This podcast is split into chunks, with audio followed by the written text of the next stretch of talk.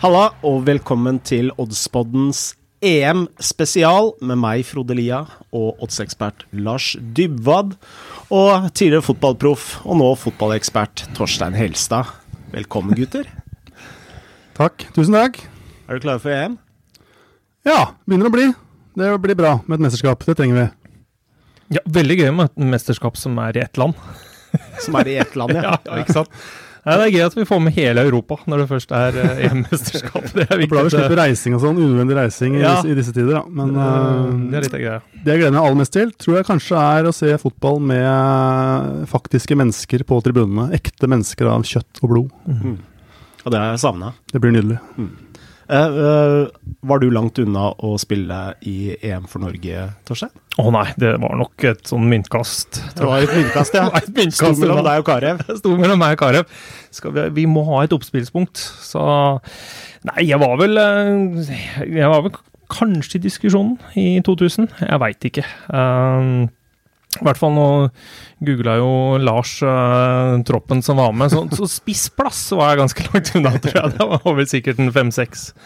Men kanskje som en kant hadde vel uh, det som var nærmest, vil jeg tro. Men uh, nei, man nådde ikke opp med de store guttene på den tiden der. Vi skal gå gjennom alle gruppene i EM, og vi kommer til å legge ut én ny episode hver eneste hverdag nå frem til, eh, til eh, mesterskapsstart.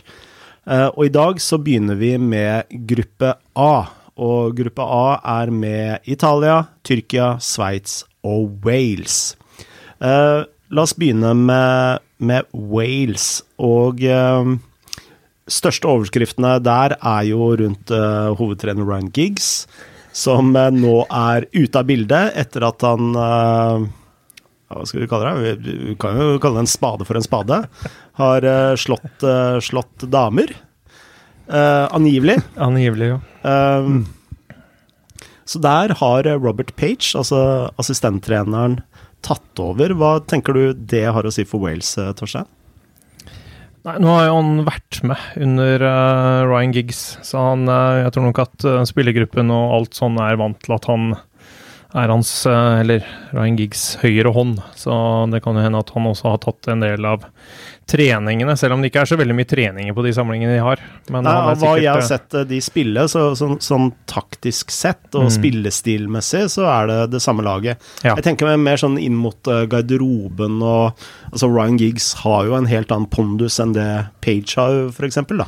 Ja, det har han, og sikkert enklere for Ryan Giggs å holde orden på Bale og de store stjernene. Eh, men så har det vel stått at uh, Giggs skal være med over telefon, da. Så da spørs det om han uh, setter uh, Giggs på høyttaler i garderoben, og så bare holder han telefonen høyt foran alle. Videokonferanse i garderoben med Ryan eh, Giggs. Du får én telefonsamtale hver dag i, fengsler, gjør du ikke det? jo, de får det. Så det må være veldig effektivt. Men eh, nei, nå skal de inn i et mesterskap. Uh, så om det er han som uh, styrer skuta, så tror jeg det skal gå ganske greit. Uh, og så blir det vel sikkert styrt litt også laget av de største stjernene, vil jeg tro. Det er vel litt sånn det er på Wales, at de er veldig avhengig av de store stjernene, heller den største stjernen sin. Ja, altså Du snakker om stjerner, men når du går gjennom Altså ikke bredde, men opp i topp, så har du jo mange, mange eminente fotballspillere. Altså du har Hennessey på, på keeperplass øh, fra Crystal Palace. Øh, du har Aaron Ramsey, som nå skal være med. Han har ikke spilt så mye i kvaliken, øh, og det er jo en spiller som øh, eh, som de selv eh, mener er kanskje den viktigste for eh, Wales. Eh, og så har du uh, spillere som Daniel James. Eh, så det er jo spillere som spiller i uh, toppklubber, og når, når, altså, når, disse championship-spillerne og liksom kommer inn i den troppen og blir ledsaget av såpass store stjerner, så så kan det jo hende at de også og hever seg betraktelig. Ja, og det tror jeg Wales er avhengig av. Um, Aaron Ramsey er den som har uh, nest flest mål også for Wales, bak uh, Gareth Bale. Så han blir jo kanskje nøkkelspilleren for, uh, for Wales uh, offensivt i det mesterskapet her. Nå brukte, spilte vel 4-4-2 eh, mot Frankrike i går. Nå blir det litt sånn misvisende når du får en utvisning mm. ganske tidlig der. Mm. Men da, da, kjørte de jo med Bale og James som eh, spisspar. Mm. Um, og det er sikkert det det kommer til å bli i EM også. Mm. Uh, så kan de si ja, de taper 3-0, men eh, det var vel 0-0 han ble utvist på. Ja, det eh, var vel etter 25 minutter, så ja. det ble jo en litt vanskelig kamp å måle dem på. sånn sett. Ja, men de sto ganske bra likevel, ganske lenge. Det gjorde de. Uh, og så og så er det jo det, er det viktig å ha en god keeper, det tror jeg er. Og det så de også i går, når de redder straffe fra Benzema. Så de har liksom kanskje typer da, i eh, alle ledd som er uh, viktig for å bære til Wales uh, videre fra et gruppespill. Det må være det som er målet, selv om de kanskje ikke er renka som det beste laget i gruppa. Hvordan vil du beskrive spillestilen deres? Nei, de vil jo være litt direkte, da. De har jo bra fart i de to på topp. Mm. Det har du. Eh, er det bra struktur i laget? Ja, jeg syns det. Jeg syns de så ganske Jeg syns de forsvarte seg ganske bra i går også, med én mann mindre. Nå tar vi jo det fra den siste treningskampen som vi har sett. Mm. Eh, mm. Og da syns jeg de sto ganske bra, med en uh, mann mindre. Så jeg tror nok de må Det kan kanskje bli litt mer overgangsfotball fra Wales, eh, sånn sett. Uh, men eh, jeg syns Sånn det så ut, i hvert fall. Sånn de eh, sto med en mannvinner i går, så så det defensive i hvert fall eh, bra ut. Og så får du ikke sett så mye offensivt mot Frankrike som hadde veldig mye ball med de mot 11. La oss gå videre til neste lag, og det er Sveits. Og de blir jo ledet av Vladimir Petkovic, som har jo styrt dette landslaget ja, så lenge jeg kan huske, omtrent. En skikkelig veteran. Altså bakgrunn fra både Serie A og, og Sveits som, som, trener. Og det som slår meg litt med Sveits, er vel at det er et lag eh, hvor de største profilene er, har en nedadgående formkurve, hvis vi kan si det noe sånn, med Shakiri og uh, Shaka og kanskje Jan Sommer på keeperplass uh, også. Uh, hva tenker du om Sveits, Lars? Nei, Du kan vel nesten si det samme om Embolo og Seferovic også. Dette er jo spillere som har Nå har Seferovic hatt en veldig god sesong i år i Benfica, så vidt jeg har fått med meg. Jeg, jeg, jeg følger ikke den serien veldig tett, men det er jo spillere som eh, nærmer seg 30, de fleste av de, kanskje litt over noen av de. Og det er nok spillere som i hvert fall føler selv at de kanskje skulle fått ut litt mer. Klart Nå har de et par eh, åttendelsfinaler de siste to mesterskapene de har vært med i, og det er jo eh, må jo skulle si at det er brukbart uh, for Sveits, men jeg, jeg, tror de har litt høyere ambisjoner enn det. Og de har jo også Eh, gjort det bra i VM-kvalifiseringen så langt i høst, har, nei, i vår. De har vist ganske fersk form eh, med vunnet alle de terrengkampene. Mm. Eh, ja, Sveits uh, Vi vet jo nesten hva vi får av Sveits. Det er solid struktur. Uh, kanskje litt grått lag. Uh, de er gode i forsvar. De er, de er sterke og tøffe, men de er veldig avhengig av at Shakiri, som jeg nevnte, da, Seferovic kanskje at de finner på noe sprell, og, og veldig avhengig av at Sjaka både holder hodet kaldt og er uh, ja, er på.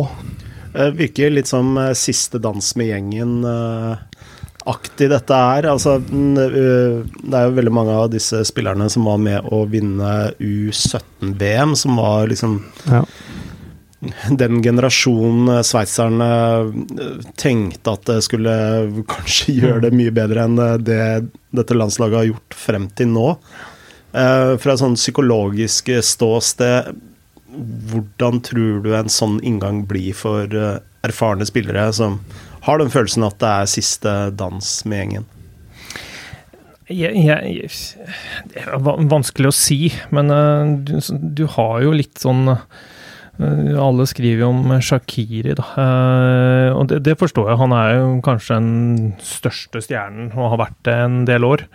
Um, veldig mye å revansjere, spør du meg, da. Mm. Ut ifra hvor lite spilletid du har hatt i Liverpool og den biten der, og så har du muligheten til å vise deg uh, fram i et, uh, et mesterskap, er jo bare 29 år. Um, men det er, jo en, det er jo en ganske aldrende og rutinert midtbane, da.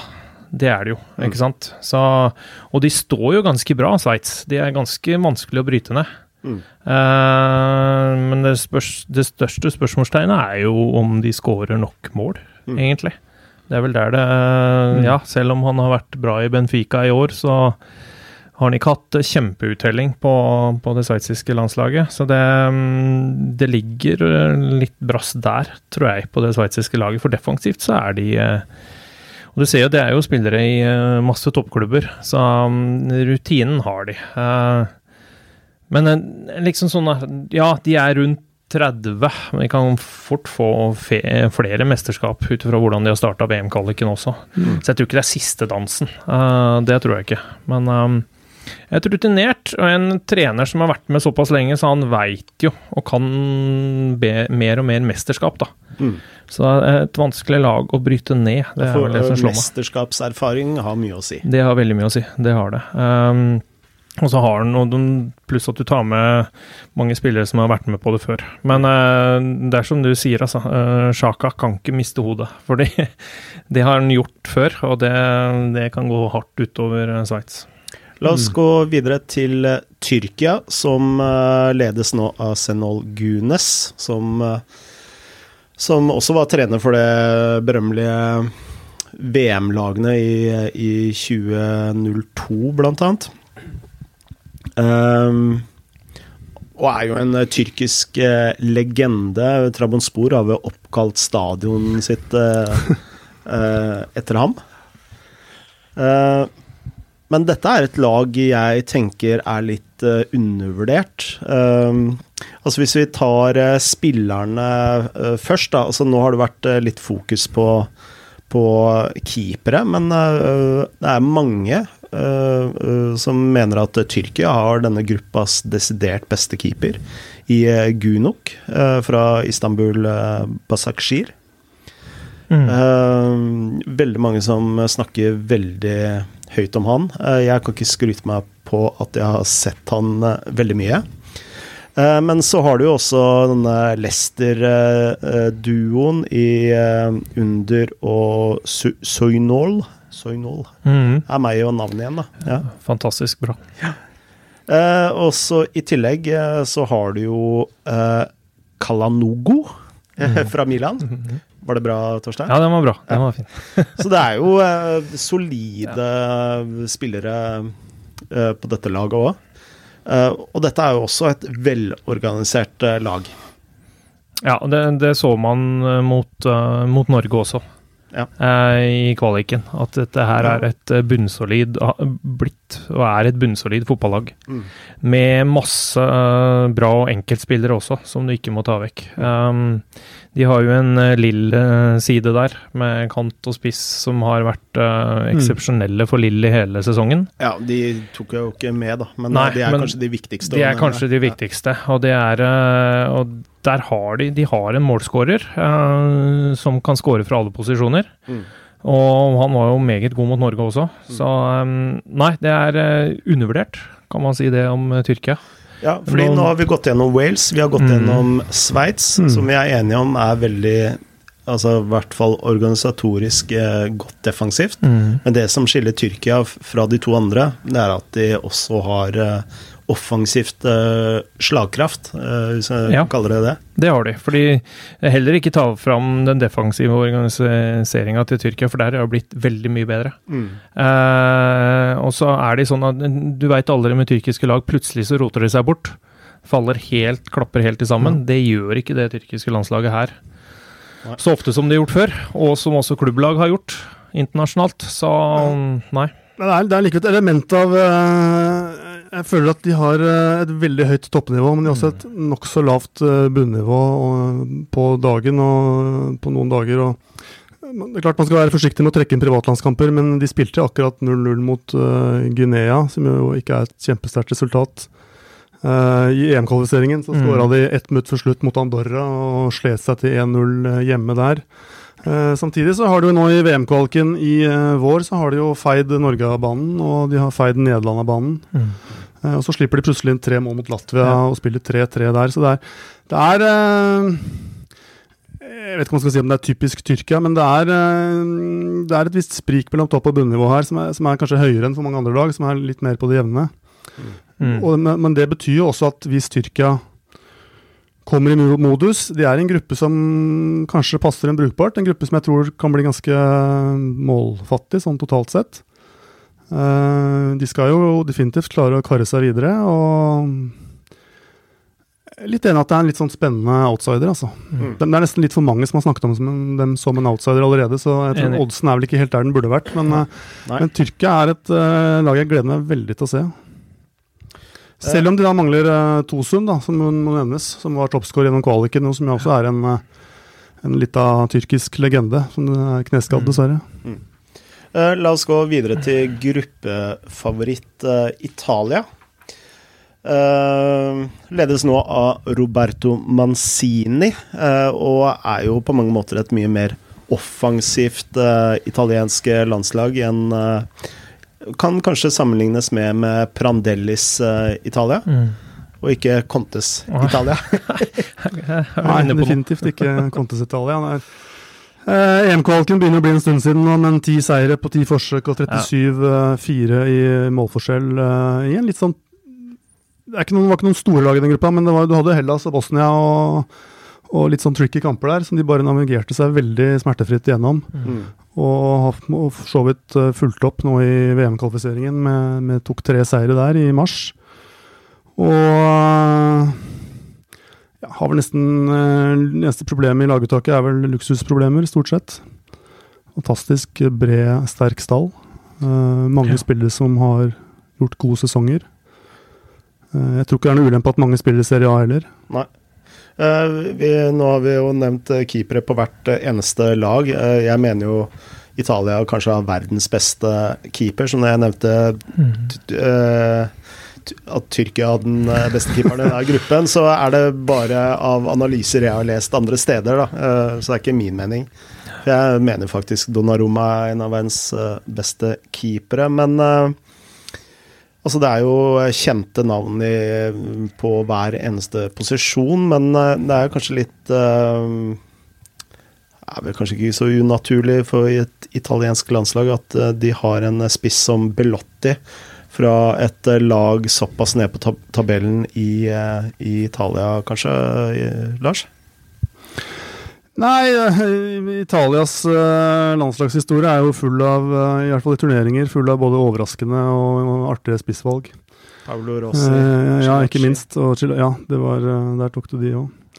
Men ja, hvem er det de kommer til å bruke, da? Det er kanskje Belotti som, som starter der. De har jo Immobile, Insigne i troppen. Ja, jeg vet ikke. Det, det, er, det, er, gode spillere, men det er, det er, vel der de er svakest, om man skal plukke et, uh, plukke et punkt. Mm.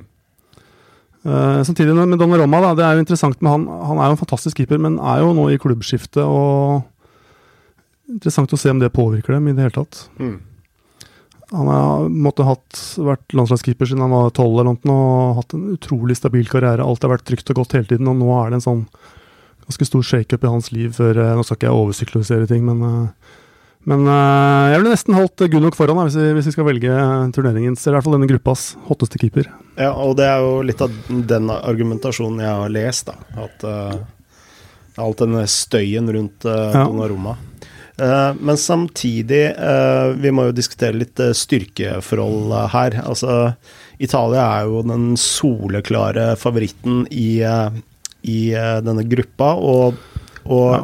i tillegg så må, må, det jo også nevnes at EM denne gangen, så er det jo en hjemmelagsfordel i alle grupper. Men i denne gruppen så er det kun ett lag som har hjemmebanefordel, og det er da Italia, siden kampene deres spilles i Roma, på Olympic stadion. Mm. Det, det, tror jeg er et, et, veldig vesentlig poeng i EM generelt denne gangen, dette med hjemmebane. Eh, for der da ett lag eh, kan spille to eller ofte tre kamper eh, i hjemlandet med publikum, sitt eget publikum, noe i hvert fall de store lagene skal takle godt, så må da de andre lagene i gruppen farte mellom to europeiske land ganske mye i det gruppespillet. Og det er både en belastning med reiser og med covid og alt mulig, i tillegg til at selvfølgelig publikum i seg selv gir en fordel. Så det det er interessant. Vi har vel ikke hatt et mesterskap tidligere med, med så mye reising og farting og, og, et klart hjemmelag i hver gruppe. Ja, og Så kan jeg også legge til at uh, andre banen i denne gruppen der ligger jo i Baku. Mm. Ja. Uh, så det er jo litt reising. Det er vel nesten uh, Nå skal jeg være litt forsiktig med verdensgeografien min, men det er vel, Baku er vel nesten et slags hjemmebane for Tyrkia. Eller i hvert fall de som har størst fordel av å spille der, vil jeg tro. Mm. Uh, kommer nok en del tyrkisk, av tyrkisk opprinnelse dit, så hvis vi skal gi dem en 30% hjemmefordel når de spiller i Baku, så kan vi så får noen eh, som kan mer om geografi, arrestere meg på det. Men det er, vel, det er, vel, den verste perioden å ha et EM som er spredd over hele e eh, Europa. Det er liksom Er det mulig? Kunne ha funnet et bedre tidspunkt, ja. Det kunne du ha gjort. Uh, men la oss for all del håpe at de uh, boblene holder seg gjennom et helt mesterskap, så man får fullført det her. Det er Nå har vi gleda såpass lenge til EM, så nå Men vi må se litt på priser og ja. styrkeforhold her. Uh, skal vi begynne med gruppevinner, eller? Ja, der er jo Italia prisa til 1,60 som gruppevinner. Så har du Sveits og Tyrkia med 5,50 mm. begge der, og, og Wales med, med 7,50. Det som er litt interessant poeng med den gruppa her, er at øh, vinneren av gruppa møter toeren i gruppe C, som jo er en, som er en gruppe med Nederland, Østerrike, Ukraina og Nord-Makedonia. Så det er jo ikke verdens sterkeste gruppe. Men deretter så venter vel, hvis jeg har skjønt dette riktig, vinneren av gruppe B, som fort blir uh, Belgia, antagelig. Mm. Som er ranket som nummer én i verden, og må regnes som ganske tøff motstand. Mens toeren i denne gruppen møter toeren i gruppe B, da, som vi allerede har etablert som en litt uh, svak gruppe. Uh, eller det er, det er, i hvert fall ikke noe sånn storlag. Det er den gruppen med Danmark og, og Russland. Mm. Uh, og da selvfølgelig Belgia, men Belgia må vel kunne forvente at de vinner den gruppa. Så det kan være en fordel å møte toeren der, og deretter møter de vinneren av gruppe C. Den vi etablerte som en eller i hvert fall jeg etablerte som en ganske lett gruppe, da, med Nederland, Østerrike, Ukraina, Nord-Makedonia. Så det ser ut som en mye mykere reise til semifinalen enn å bli, enn å bli gruppevinner. Mm. Og Jeg vet ikke hvor mye lag tar hensyn til sånt, da, men uh, hvis jeg hadde spilt footballmanager på PC, jeg kunne ikke bry meg om folks følelser og medie og alt sånt nå, så hadde jeg lagt meg på annenplass i denne gruppa. Mm. Mm. For å få en antatt enklere reise videre. Og det, når vi vet at i tillegg da, klisjeen på Italia er at de er litt sånn slow starters, så syns jeg kanskje ikke 1,60 på Italia er uh, veldig spennende spill. Kanskje Tyrkia 5,50 er mer interessant som gruppevinner. Jeg syns jo uh, Altså, vi har jo bestemt oss at vi ikke skal komme med et uh, forhåndsavtalt uh, spill, men at vi skal diskutere oss ja. uh, fram til et spill. Mm. og jeg syns jo Tyrkia til 5,50 høres jo veldig deilig ut. du, du, får jo åpningskampen, Tyrkia-Italia. Mm. 11. Det er åpningskampen i, så vidt jeg vet, i EM. Er det ikke det? Jo. neste fredag. Så mm. da får du jo testa det. Eh, er Itali italienerne såpass uh, kalde i hodet så de går på en liten smell der og veit at de kan safe inn en mm. annen plass allikevel? Jeg, jeg, jeg veit ikke. Det, for meg så lukter det litt uavgjort uh, der, men at Har Italia mulighet til å spille på resultatet i siste kamp? Mm. For å klare en andreplass, så skal jeg ikke se, se bort ifra at de gjør det. Det er nok fullt mulig, ja. Før vi kommer til noen konklusjon, så lurer jeg på hva prisene er på å komme sist i, i gruppa? Ja, da forutsetter du vel at det er en pris på det, og det har jo selvfølgelig Camon. Uh, det er uh, Skal begynne motsatt ende, da, for å gjøre det mer spennende. Så er det 19 i odds på Italia. Uh, da ryker de ut, selvfølgelig. Uh, det skjer jo ikke antagelig. Sveits 3,25. Uh, Tyrkia 3,30, så de er uh, igjen priset røftlig likt. Da. Så har du Wales som en uh, favoritt der, til 2,25.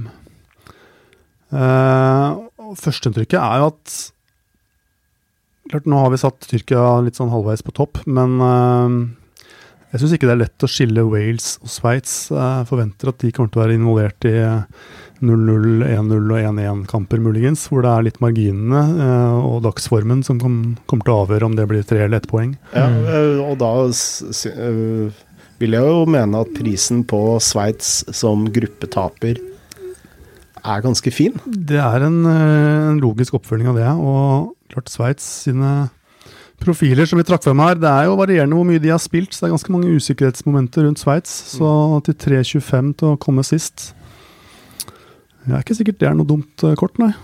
Men det er en ganske tett og jevn gruppe. Ja. Det er det. Mm. Uh, sånn jeg ser for meg. Uh, at alle de kampene her, det blikket som lar seg inn på, det jeg tror ikke det blir sånn kjempemasse mål. det er rart hvis det blir det. Mm. Da må det bli i siste runde hvis uh, ett lag er helt kjørt, liksom. Men du kan jo se det litt opp mot, mot matchbetting her. Da. Du får jo f.eks. Uh, ca. 3,60 da, på at Wales skal slå Sveits når de møtes lørdag 12.6. Uh, mm. Og i den siste kampen uh, så spiller jo Sveits mot Tyrkia. Da får du uh, i skrivende stund ca. 3, 3 på Tyrkia. Så jo, De er jo selvfølgelig avhengig av å ikke gjøre det spesielt godt i disse kampene, da, hvis de skal komme sist i gruppa. Mm. Så man kan jo se matchbetting litt opp mot, uh, mot et sånt type gruppespill. da. Men klart, jeg er enig i at det virker se ut som det beste kortet for den som kommer sist, i forhold til odds. Sveits. Har vi to uh, spill, eller? Sveits til å komme sist, og Tyrkia som gruppevinner? Ja, sier du, Torstein? Nei, dette er det som avgjør, eh, og yngstemann som får kjefta, så det er greit. Det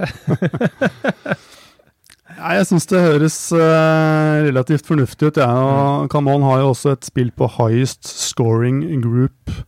Uh, hvor det er fem i odds på at det blir gruppe A, og det, den kan vi vel bare stryke med en gang. Dette kan bli vel ikke highest scoring group. Nei. Så um, ja, nei. Tyrkia og Sveits i hver sin ende. Bra. Da mm. har vi Sveits til å komme sist i gruppa, til 3.25. Og så har vi Tyrkia til å vinne gruppa, til 5.50 i odds hos Command. Nydelig. Veldig bra. Da sier vi som vi alltid sier her i Oddspodden, lykke til med spillene, og ha et godt mesterskap. Lykke til. Vi ses i morgen.